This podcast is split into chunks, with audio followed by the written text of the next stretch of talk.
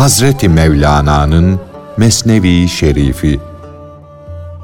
Seslendiren Enes Ergür.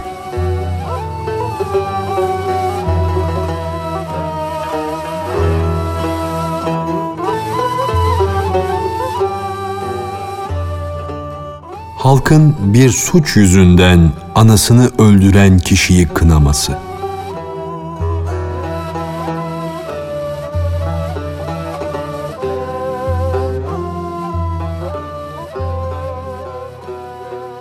Adamın birisi öfkeye kapıldı da hem yumrukla döve döve hem de hançerle annesini öldürdü. Birisi ona yaratılışının kötülüğü yüzünden analık hakkını hatırına getirmedin mi? dedi.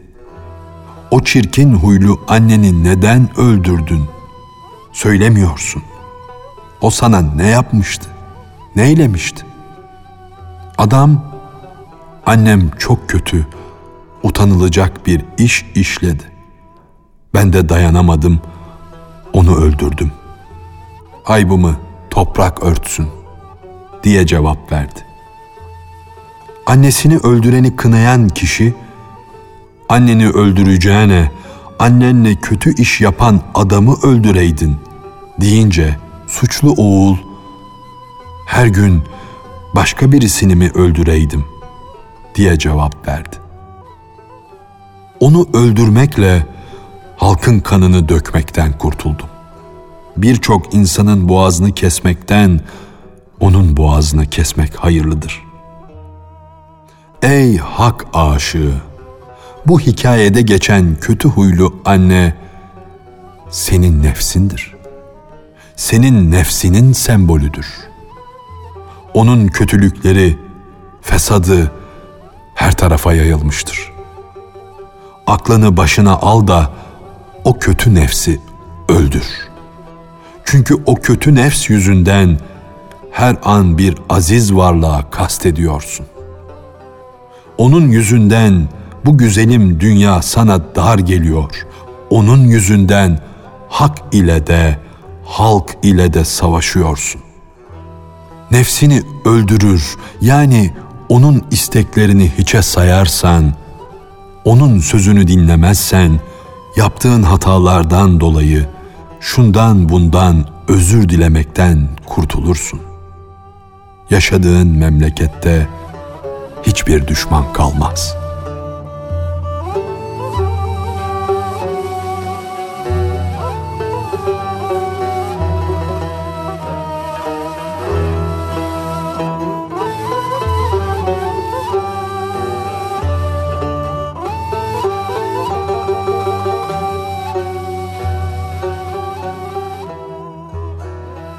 Peygamberler ve Veliler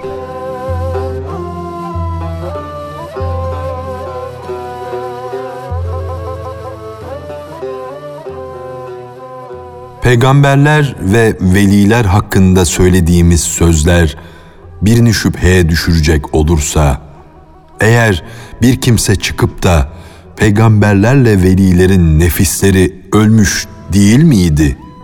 Yani nefsin temizlenmiş derecelerinin sonu bulunan raziye ve marziye, Allah'tan razı olan, Allah'ın da ondan razı olduğu derecesine yükselen kişiler oldukları halde onların da düşmanları ve hasetçileri vardı derse, Ey doğruyu anlamak isteyen kişi! Sen şimdi sözüme kulak ver de şüphe ettiğin şeye vereceğim cevabı dinle.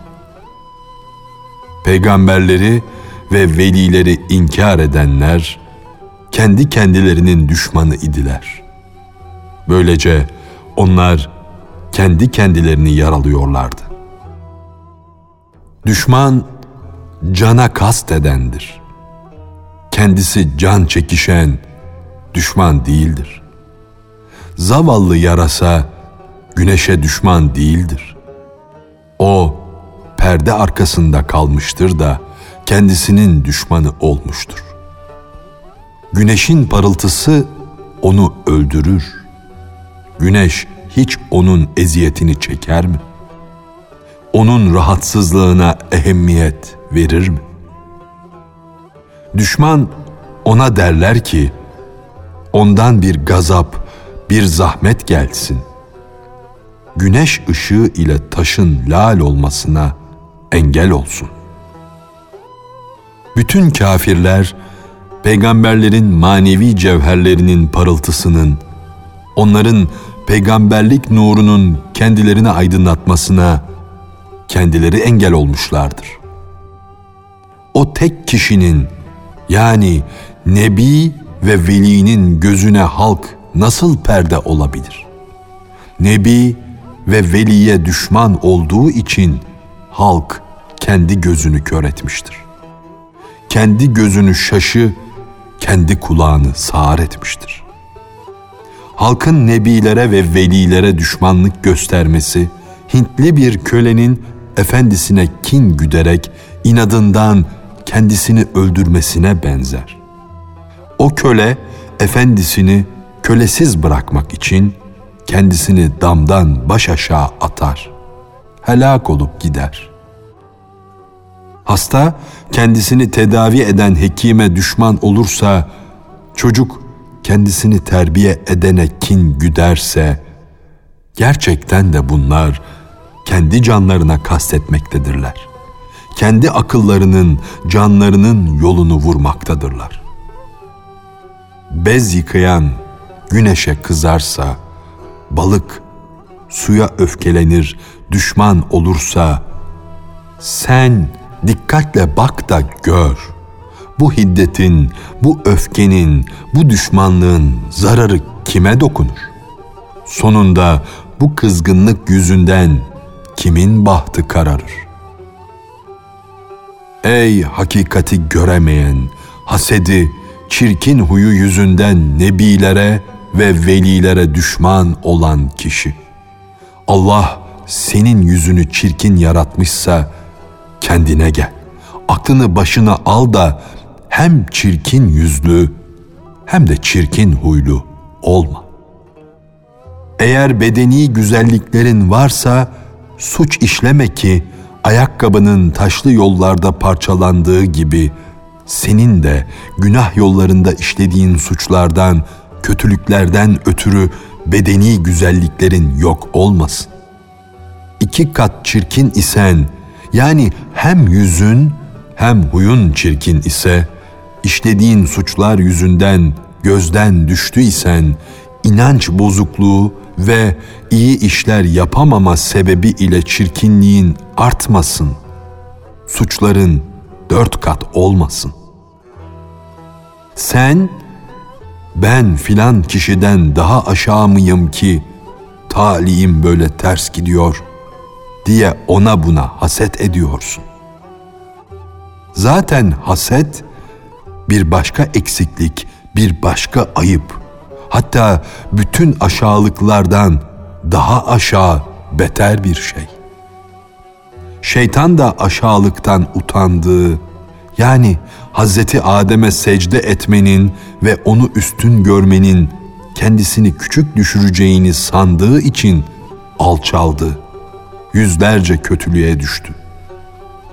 O topraktan yaratılan Adem'in ilahi halife olmasına haset ederek ona secde etmedi de böylece kendisini yüceltmek istedi.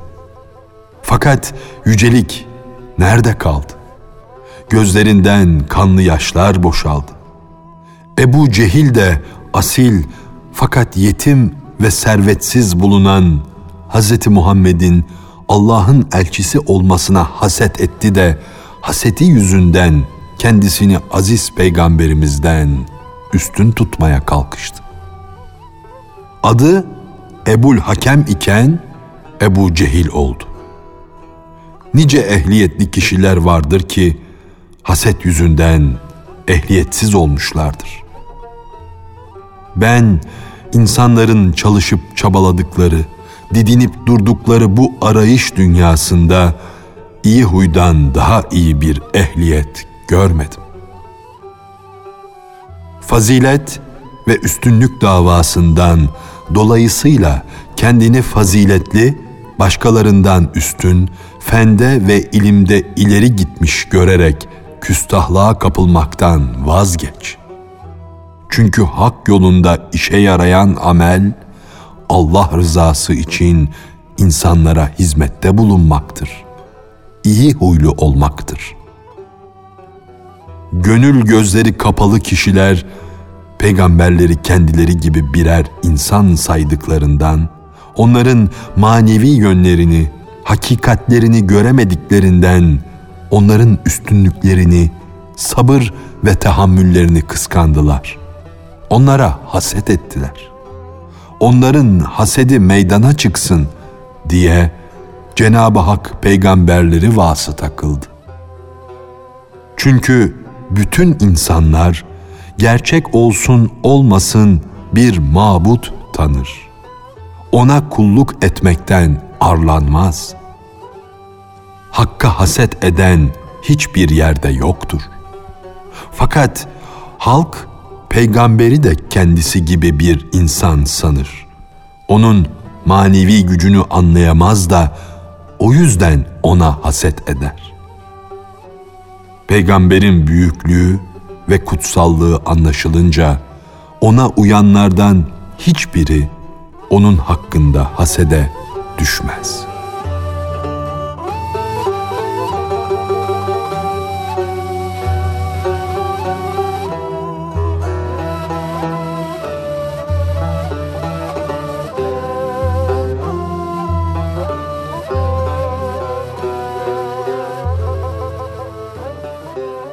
Her devirde peygamber yerine bir veli yaşamaktadır.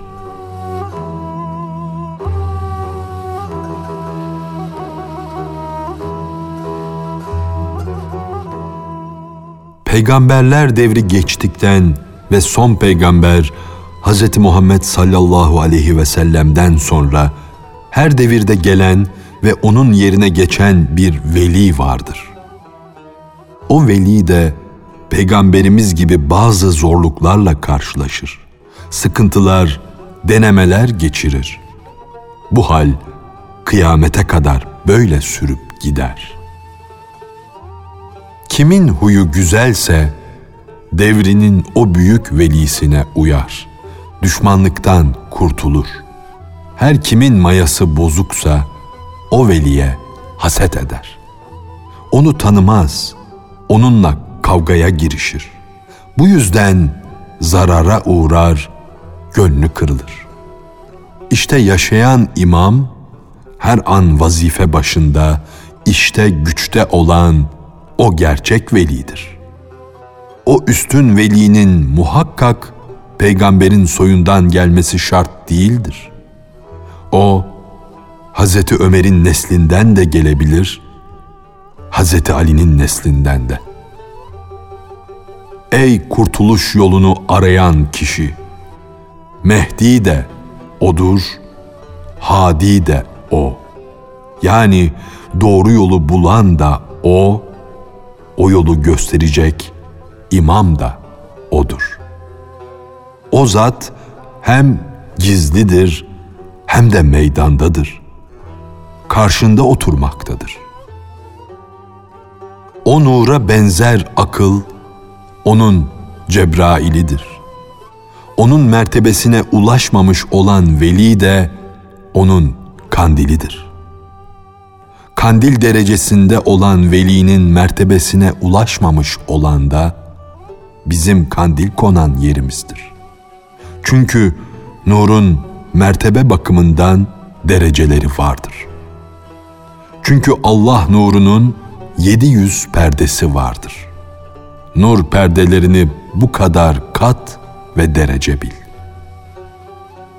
Her perdenin arkasında bir toplumun yeri vardır. Bu perdeler imama yani mihrap önüne varıncaya kadar saf saftır. Son safta kalmış olanların gözleri manen zayıf olduğu için ön safta bulunanların nuruna dayanamaz.'' En son safın önündekiler de görüş kuvvetleri olmadığı için fazla aydınlığa bakamazlar.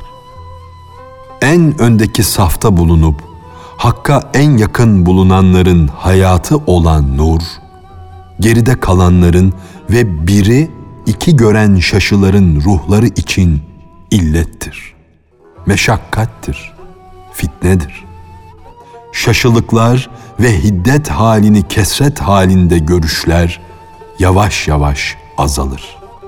700 perdeyi aşınca da bu perdeleri aşan, geçen, kendisi deniz gibi olur da böylece keset gider, vahdet gelir. Demiri yumuşatan, altını saf altın haline koyan ateş, taze ayva ve elmanın olgunlaşmasına yarar mı? Elmanın, ayvanın da az bir hamlığı olabilir fakat onların olgunlaşmaları için demiri yumuşatan ateş gerekmez. Güneşin az bir harareti onları yumuşatır. Elmayı, ayvayı olgunlaştıran o hararet demire kafi gelmez. Demir zorluklara katlanan, meşakkatler çeken, dövülen, ezilen, hakaretlere maruz kalan fakir derviş gibidir.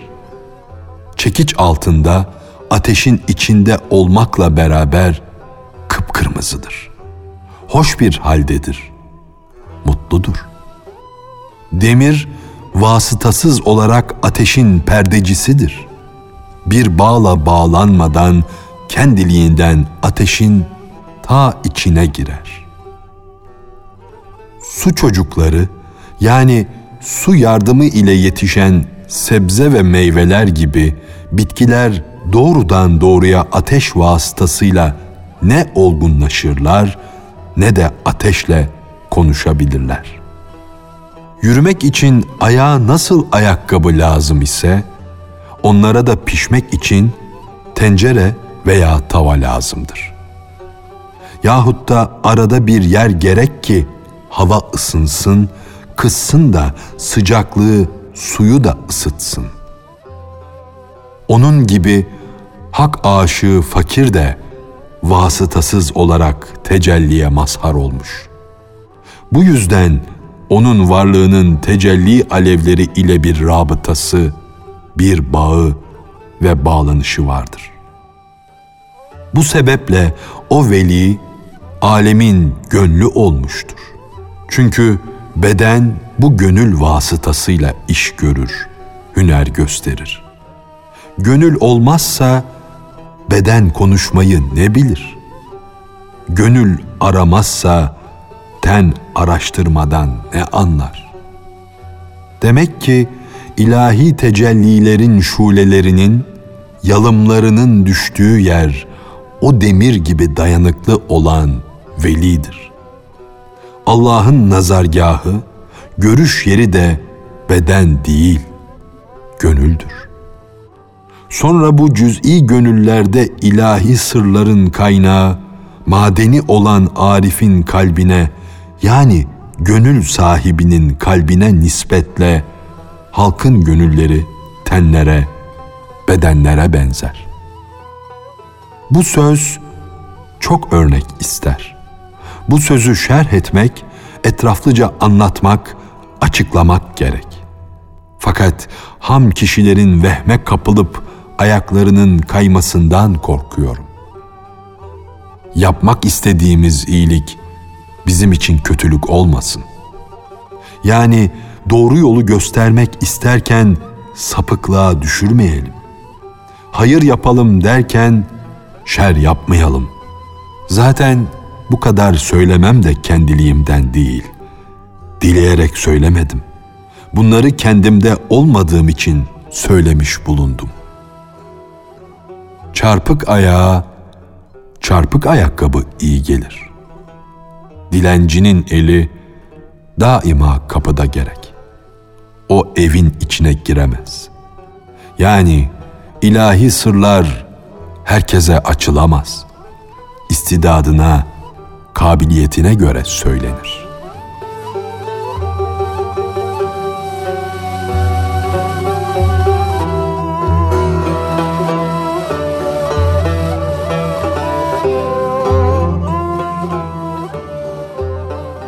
Hazreti Mevlana'nın Mesnevi Şerifi Seslendiren Enes Ergür